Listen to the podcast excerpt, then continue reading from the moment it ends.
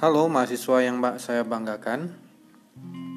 Pada kesempatan kali ini uh, saya akan membahas mengenai mata kuliah metodologi penelitian pendidikan. Nah, secara khusus mata kuliah ini lebih kepada mendalami yang namanya metodologi penelitian di bidang pendidikan informatika.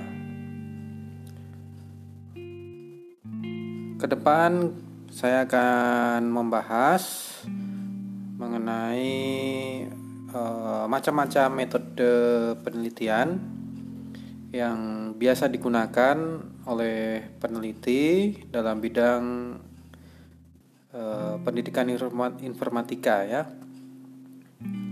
Kemudian uh, selain itu mata kuliah Metopan ini juga bertujuan untuk membekali Anda sebagai mahasiswa ya, membekali Anda pengetahuan dan juga pemahaman sekaligus juga bekal untuk belajar menerapkan ya berbagai macam metode penelitian dalam rangka penyusunan tugas akhir. Nah, seperti yang kita kita ketahui bahwa salah satu profil lulusan dari prodi pendidikan komputer STKIP Persada Katulistiwa Sintang itu adalah salah satunya adalah sebagai peneliti di bidang informatika. Nah, ini menjadi bekal untuk Anda dalam rangka belajar menjadi seorang peneliti. Begitu. Mungkin itu dulu pengantar dari saya. Untuk selanjutnya kita akan lebih detail lagi di pembahasan berikutnya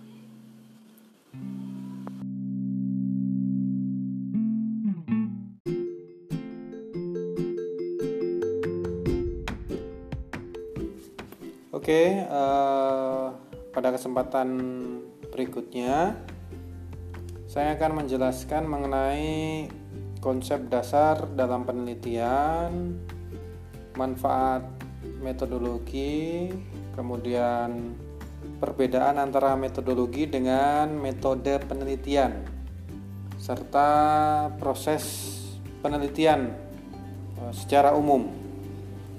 Kita belum berbicara secara khusus proses penelitian di bidang pendidikan informatika. Sebelum kita masuki atau sebelum kita membahas uh, yang lebih detail lagi, kita lihat dulu yang namanya penelitian ilmiah itu. Jadi di sini dikatakan bahwa penelitian ilmiah itu dilakukan untuk mencari jawaban dari permasalahan yang terjadi pada saat ini. Nah, hasil penelitian itu bisa berupa karya ilmiah yang disajikan dalam berbagai bentuk ya. Karya ilmiah, bentuk-bentuk karya ilmiah itu ada banyak macamnya, banyak bentuknya. Contohnya seperti makalah, laporan penelitian, buku-buku ilmiah, dan juga karya ilmiah lainnya yang dipublikasikan.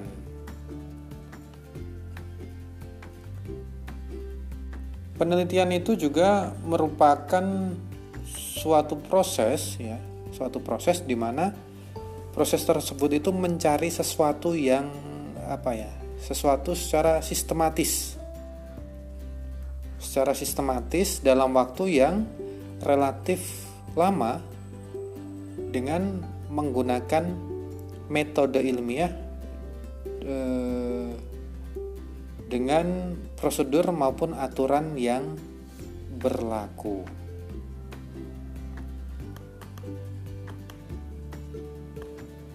Penelitian itu sendiri terjadi karena adanya dorongan, dorongan rasa ingin tahu, rasa ingin tahu mengenai sesuatu hal yang sedang terjadi di lingkungan sekitar. Jadi seseorang yang melakukan penelitian itu eh, sebenarnya dalam rangka mencari jawaban ya, mencari jawaban dari permasalahan yang sedang terjadi.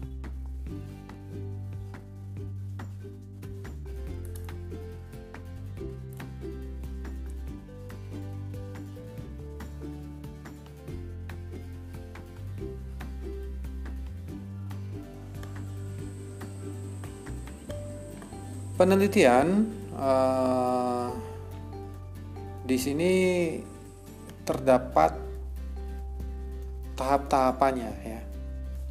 Yang namanya penelitian itu terdiri atas beberapa tahapan yang terkait satu dengan yang lainnya. Ada prosesnya, ada step by stepnya, ada langkah-langkahnya. Nah, eh, tahap-tahapan pada sebuah penelitian itu pada umumnya itu terdapat tujuh tahapan secara umum. Tahap yang pertama itu adalah identifikasi masalah. Jadi yang namanya sebuah penelitian itu diawali dari sebuah mengidentifikasi masalah. Sedang terjadi apa sih di suatu kejadian suatu tempat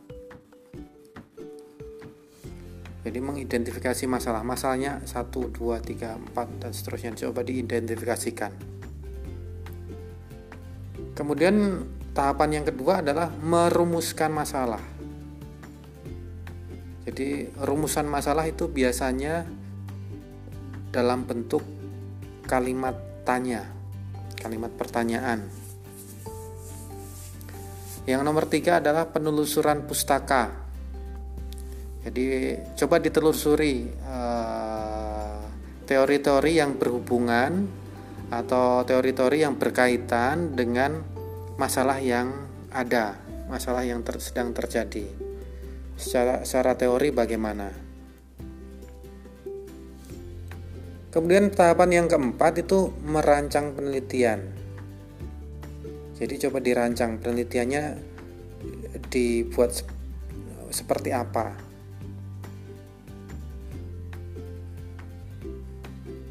Dirancang, metodenya seperti apa, metodologinya dibuat seperti apa. Nanti datanya diolah akan diolah menggunakan apa. Tahapan yang kelima yaitu pengumpulan data. Artinya ketika sudah pengumpulan data artinya eh, si peneliti itu terjun lagi ke lapangan untuk mengumpulkan data. Kalau tadi kita mengidentifikasi masalah bisa ke lapangan juga melalui observasi, bisa melalui studi pustaka.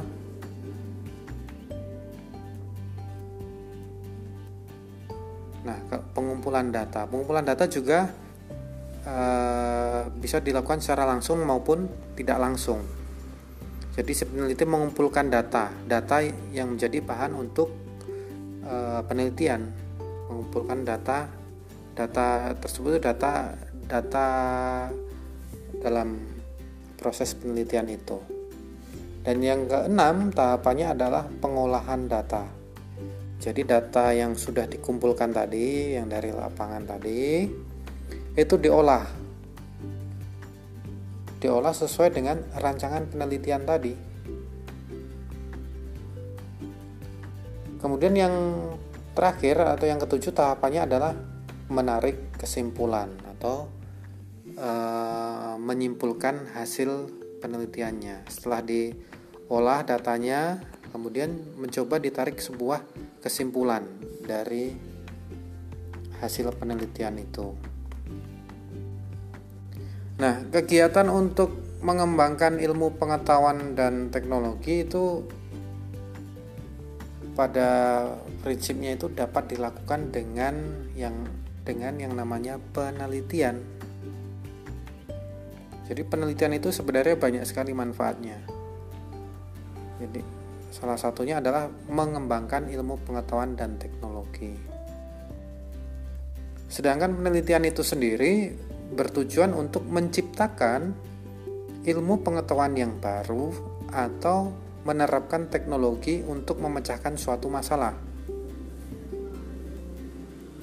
Sehingga penelitian itu dilakukan dengan metode ilmiah.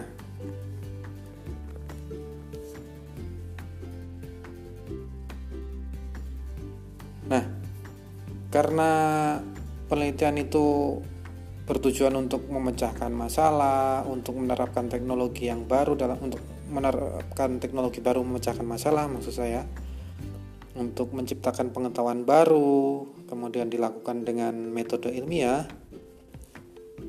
maka dapat disimpulkan bahwa penelitian itu adalah kegiatan yang menggunakan metode ilmiah untuk mengungkapkan ilmu, pengetahuan, atau menerapkan teknologi.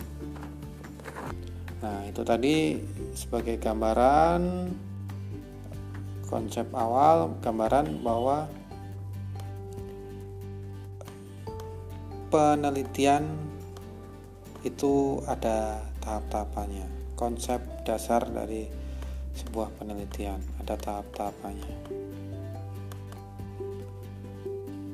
Orang yang meneliti itu disebut sebagai peneliti.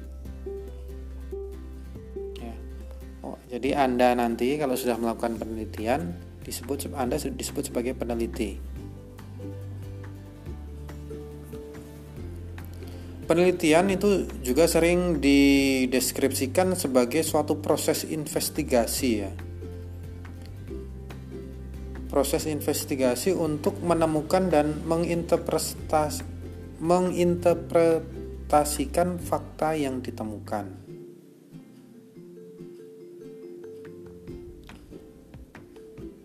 Jadi menginterpretasikan itu maksudnya bagaimana e, menggali informasi sedalam-dalamnya mengenai fakta yang sedang terjadi atau fakta yang ditemukan. Disajikan secara ilmiah, secara logis, secara ilmiah. Jadi dapat dikatakan jika sebuah penelitian atau sebuah hasil penelitian itu bisa dikatakan baik apabila satu itu menghasilkan produk menghasilkan produk atau inovasi baru yang dapat langsung dipakai oleh industri ya. Jadi bukan hanya sebatas rancangan prototipe saja, tapi memang sebuah inovasi baru, sebuah produk baru. Yang kedua itu sebuah penelitian bisa dikatakan baik apabila dapat menghasilkan sebuah paten ya.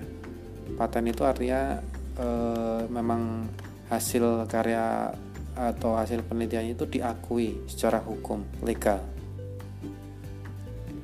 Dan yang ketiga itu adalah ketika eh, ketika Anda melakukan penelitian dan sebuah penelitian itu bisa dikatakan baik itu apabila menghasilkan sebuah apa menghasilkan sebuah artikel yang dipublikasikan di jurnal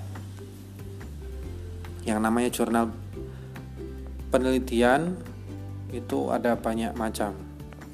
Jadi salah satunya adalah eh, jurnal penelitian yang dimiliki oleh prodi pendidikan komputer yaitu jurnal uh, JUTEK ya, Journal Education and Technology.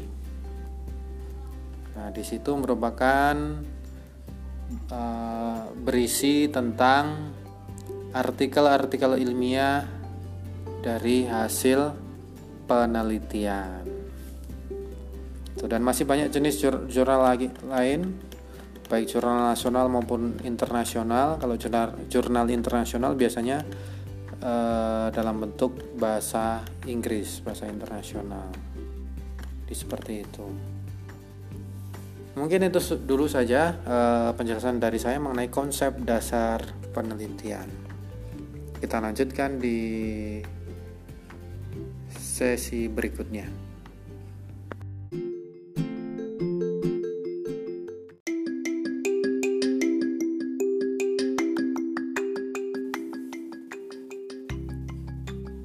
para mahasiswa yang saya banggakan.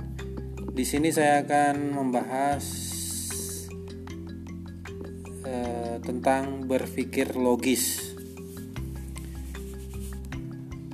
Kita ketahui bersama bahwa eh, seorang peneliti atau dalam proses penelitian itu seorang peneliti dituntut untuk bisa berpikir secara logis.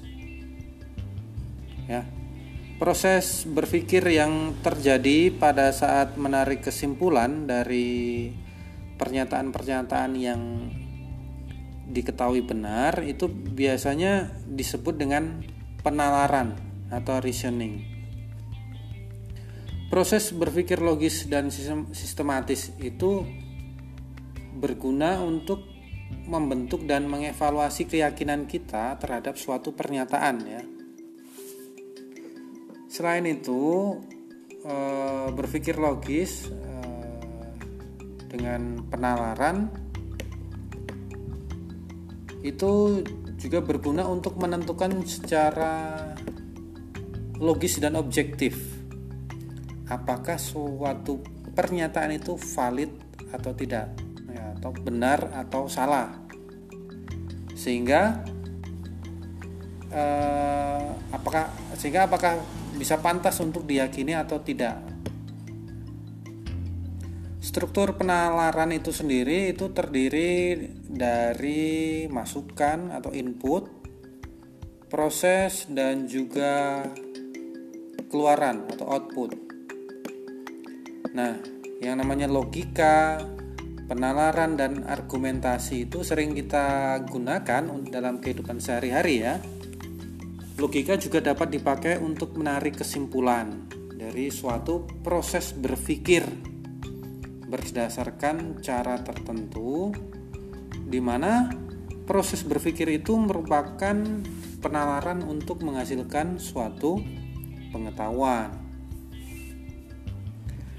Berdasarkan eh, buku atau berdasarkan para ahli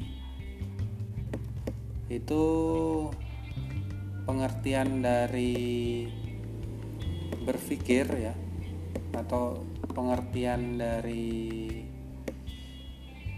uh, logika. Pengertian dari logika itu sendiri itu adalah suatu studi tentang metode-metode dan prinsip-prinsip yang digunakan dalam membedakan penalaran yang tepat dari penalaran yang tidak tepat. Nah, itu itu tadi logika. Nah, sedangkan penalaran reasoning atau jalan pikiran itu adalah suatu proses berpikir yang berusaha menghubungkan fakta-fakta. Jadi fakta-fakta yang ada itu saling dihubungkan berusaha untuk uh, proses berpikir untuk berusaha menghubungkan fakta-fakta yang terjadi. Itulah penalaran. Selain menghubungkan fakta-fakta juga uh, dilakukan namanya evidensi, evidensi yang diketahui untuk menuju suatu kesimpulan Nah, itulah penalaran. Yang berikutnya di sini ada yang disebut dengan penalaran deduktif dan penalaran induktif. Penalaran deduktif itu merupakan penalaran yang berdasarkan pada pengetahuan sebelumnya yang bersifat umum serta menyimpulkan pengetahuan baru yang bersifat khusus. Jadi kalau penalaran deduktif itu dari umum ke khusus. Penalaran deduktif ini bersifat silogisme. Apa itu silogisme?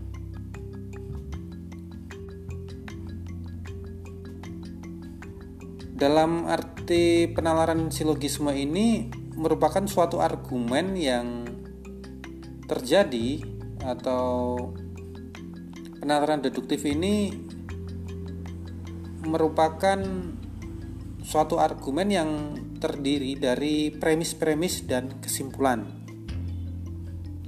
Dalam sebuah penalaran ini, proposisi yang dijadikan dasar penyimpulan itu disebut sebagai premis.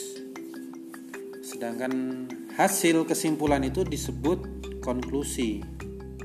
Conclusion ya. Sedangkan hubungan antara premis dan konklusi itu disebut konsekuensi. Nah, itu tadi yang disebut dengan penalaran deduktif, itu dari umum ke khusus.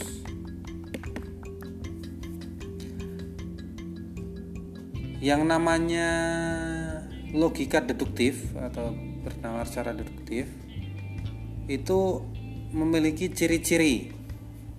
Ada empat ciri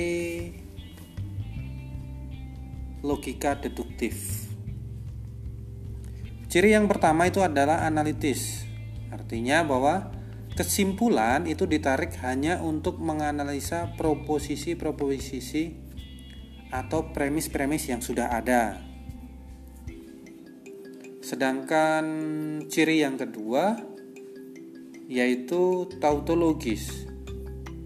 Di mana kesimpulan itu yang ditarik sesungguhnya secara tersirat sudah terkandung dalam premis-premisnya. Sedangkan ciri yang ketiga adalah a priori. Di mana kesimpulan itu ditarik tanpa melakukan pengamatan inderawi atau observasi empiris. Yang keempat adalah ciri logika deduktif. Yang keempat adalah argumen deduktif, di mana selalu dapat dinilai sahih atau tidaknya. Nah, itu tadi keempat ciri-ciri logika deduktif. Kalau tadi yang namanya penalaran deduktif, ada lagi yang disebut dengan penalaran induktif. Penalaran induktif itu berasal dari pengetahuan sebelumnya mengenai sejumlah kasus jenis atau yang bersifat khusus atau individual dan konkret. Logika induktif itu juga berasal dari eh, logika induktif ya. Logika induktif itu berasal dari sebuah premis. Kalau tadi dikatakan ada kalau dari umum ke khusus itu deduktif. Kalau logika induktif itu berasal dari pengetahuan baru yang disimpulkan dari pengetahuan sebelumnya pengetahuan baru itu yang bersifat umum. Kalau induktif. Jadi kalau deduktif tadi itu dari umum ke khusus kalau induktif itu dari e, pemikiran khusus ke pemikiran umum. Jadi pengetahuan baru yang yang dihasilkan dari penalaran induktif itu bersifat umum ya tapi pada prinsipnya berpikir induktif itu uh, alur pikirnya dimulai dari hal-hal yang memang khusus atau spesifik, kemudian baru ke arah yang lebih umum. Argumen induktif ini uh, atau argumen induktif yang baik itu juga merupakan argumen yang benar dengan premis yang bisa memberikan alasan yang jelas dan benar tentang kebenaran dari suatu kesimpulan. Nah, ada beberapa hal yang terkait dengan berpikir induktif. Beberapa hal yang terkait itu antara lain adalah fakta-fakta, premis, dan juga kesimpulan atau argumen. Nah, ada beberapa tipe berpikir induktif.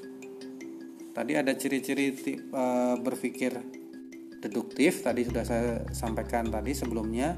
Nah, sekarang ada tipe, tipe ada beberapa tipe berpikir secara induktif. Tipe yang pertama adalah strong induktif argumen. Artinya suatu argumen itu suatu argumen di mana premis-premisnya itu membuktikan atau memberikan bukti yang kuat untuk mendukung kesimpulan.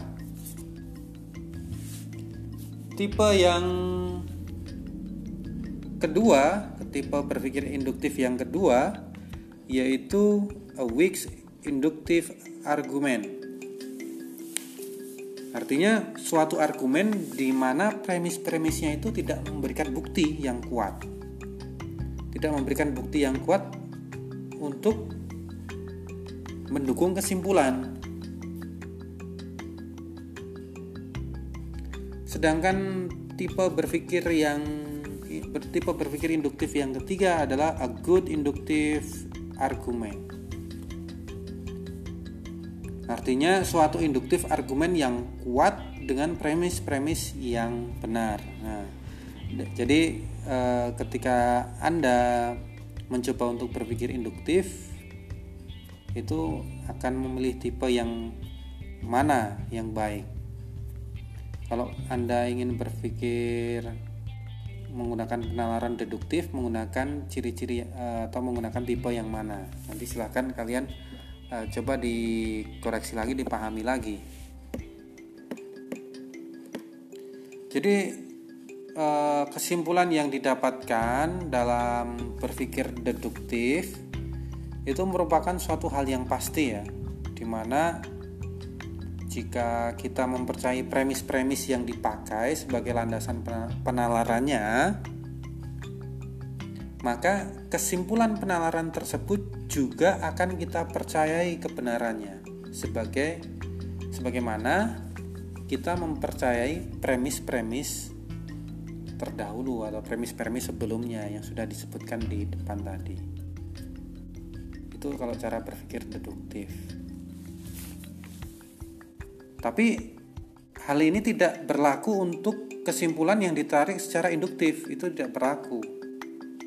Meskipun premis yang dipakai adalah benar dan penalaran induktifnya adalah sah namun kesimpulan itu bisa saja salah kalau cara, e, berpikir secara induktif seperti itu Nah, ada ciri-ciri ada empat ciri-ciri penalaran induktif.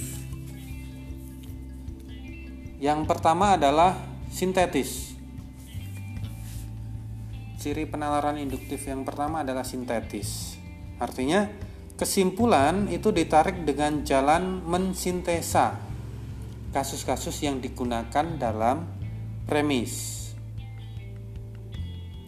Ciri penalaran induktif yang kedua yaitu general. Artinya, kesimpulan yang ditarik itu selalu meliputi jumlah kasus yang lebih banyak. Sedangkan ciri penalaran induktif yang ketiga adalah eh, posteo, eh, posteriori Artinya kasus-kasus yang dijadikan landasan argumen itu merupakan hasil pengamatan indrawi.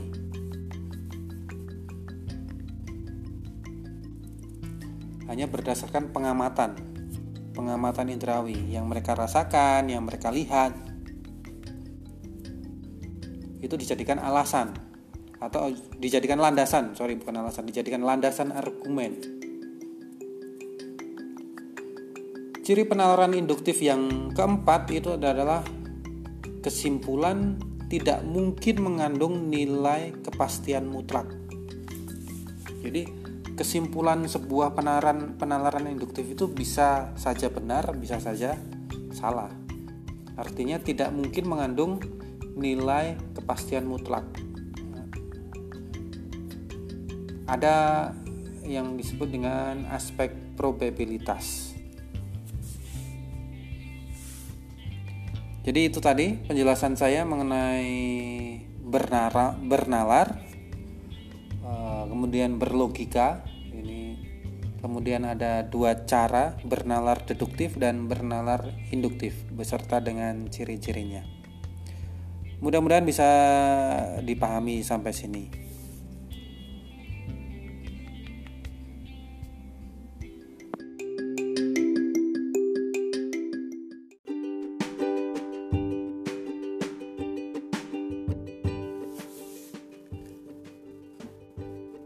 para mahasiswa yang saya banggakan untuk selanjutnya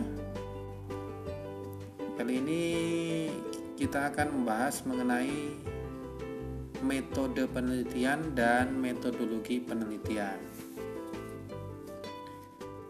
Kita lihat dari katanya dulu metode ya secara haraf ya. Metode itu adalah sebuah kerangka kerja ya. Sebuah kerangka kerja yang digunakan untuk melakukan suatu tindakan atau suatu kerangka berpikir untuk menyusun suatu gagasan. Gagasan ini harus gagasan yang bagaimana terarah dan terkait dengan maksud dan tujuan yang hendak dicapai. Itu kalau metode. Kalau metodologi metodologi itu suatu formula suatu formula dalam menerapkan penelitian di mana dalam melakukan penelitian tersebut terdapat langkah-langkah dan juga hasil penelitian. Nah, itu metodologi. Sebelum kita lanjut lebih uh, dalam proses pembahasan ini, kita coba lihat satu persatu. Tadi ada metode penelitian, saya sudah jelaskan metode penelitian dengan metodologi penelitian. Kalau metode tadi itu adalah langkah-langkah, eh, kalau metode tadi adalah eh, suatu kerangka kerja ya, suatu kerangka kerja eh, untuk melakukan suatu tindakan atau kerangka berpikir untuk menyusun suatu gagasan. Sedangkan kalau metode tadi itu metodologi tadi itu adalah suatu formula Formula adalah menerapkan penelitian. Formulanya bagaimana dalam melakukan sebuah penelitian. Jadi penting bagi Anda mengetahui sebelum melakukan penelitian itu menentukan dulu formulanya, tentukan dulu metodologinya. Ketika sudah mengetahui eh, rumusan masalahnya, mengetahui mengidentifikasi masalah, merumuskan masalah, kemudian tentukan juga formulanya, formula dalam penelitian atau tadi istilahnya di sini adalah metodologi. Nah, metode penelitian ini merupakan salah satu hal yang penting dalam sebuah proses penelitian.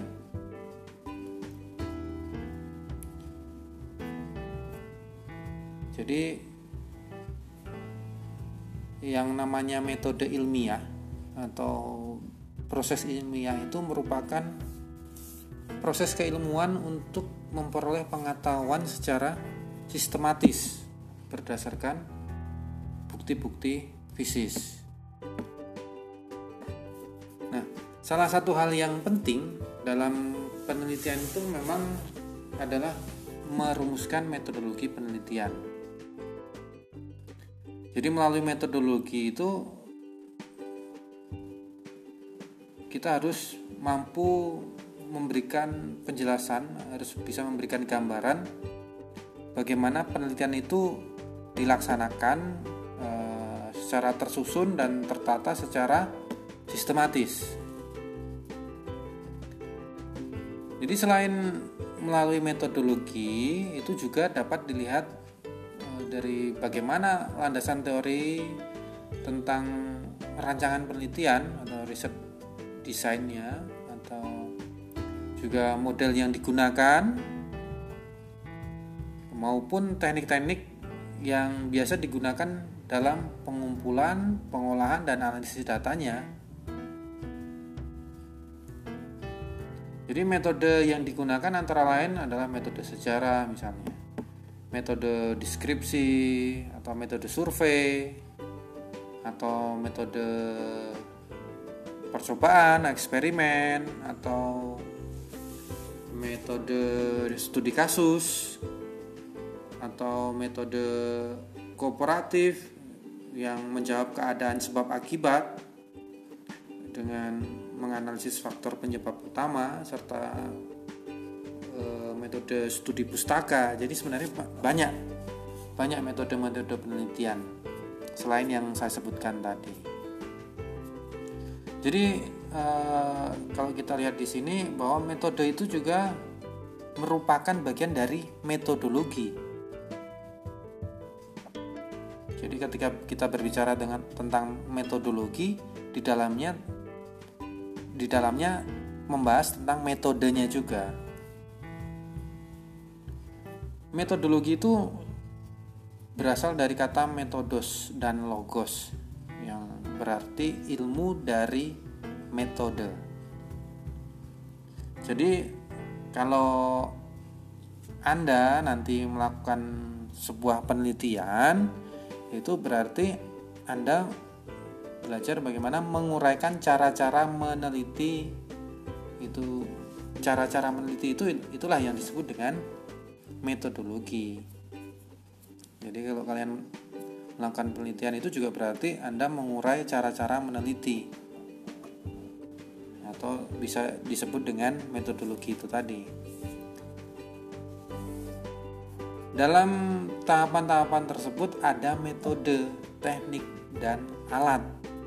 Jadi yang namanya metode itu tahap-tahapnya ada. Tahap-tahapnya ada metodenya ada tekniknya ada alatnya yang digunakan dalam proses penelitian tadi saya juga sudah mengatakan bahwa metodologi itu suatu formula dalam menerapkan penelitian. Di mana penelitian tersebut itu ada langkah-langkahnya, ada step by stepnya. Selain itu juga ada hasilnya. Yang namanya penelitian itu pasti ada prosesnya ada sampai pada hasilnya sampai pada kesimpulan sedangkan kalau kita berbicara mengenai metodologi penelitian di bidang informatika atau di bidang sistem informasi dan sejenisnya eh, hal ini kita lihat bahwa langkah-langkah atau tahapan perencanaan itu dengan bantuan beberapa metode, teknik, alat dan juga dokumentasi. Tujuannya ya untuk membantu kita sebagai peneliti untuk meminimalkan resiko kegagalan dalam uh, proses ini ya atau dalam meminimalkan risiko kegagalan dan menekan pada proses penelitian di bidang informatika. Jadi kita kalau dalam penelitian di bidang informatika itu memang kita perlu yang namanya bantuan yang namanya metode, perlu bantuan yang namanya teknik, alat dan juga perlu dokumentasi untuk meminimalkan resiko kegagalan dalam proses penelitian.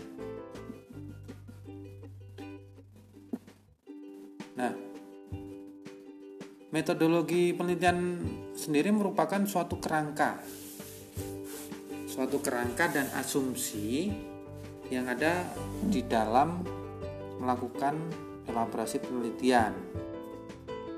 Sedangkan metode penelitian itu memerlukan teknik memerlukan prosedur untuk menganalisis data yang ada. Itu tadi antara metode penelitian dengan metodologi penelitian.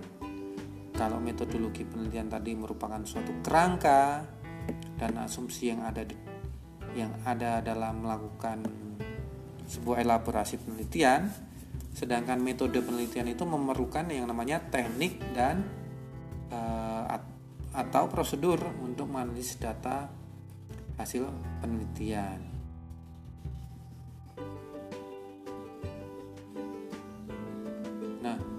Itu tadi yang membedakan antara metodologi dengan metode penelitian.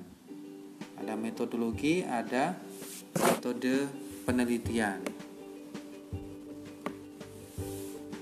Nah, eh, langkah-langkah dalam metodologi penelitian itu sebaiknya disesuaikan dengan metodenya, disesuaikan dengan prosedurnya. Selain disesuaikan dengan metode dan prosedur juga disesuaikan dengan alatnya. Disesuaikan dengan alatnya atau toolsnya dan sebagainya. Hal ini memang bertujuan untuk membantu dalam membantu siapa? Membantu si peneliti dalam memecahkan permasalahan yang ada dan juga membantu dalam mengenangani, membantu dalam mengontrol dan juga dalam mengevaluasi suatu proses penelitian itu sendiri. Nah, itu yang perlu diperhatikan sebagai seorang peneliti.